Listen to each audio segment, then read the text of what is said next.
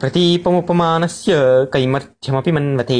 दृष्टं चेद्वदनं तस्याः किं पद्मेन किमिन्दुना इति कोवल्यानन्दे षोडशश्लोकः प्रतीपालङ्कारस्यान्तिमं प्रभेदं प्रदर्शयन्।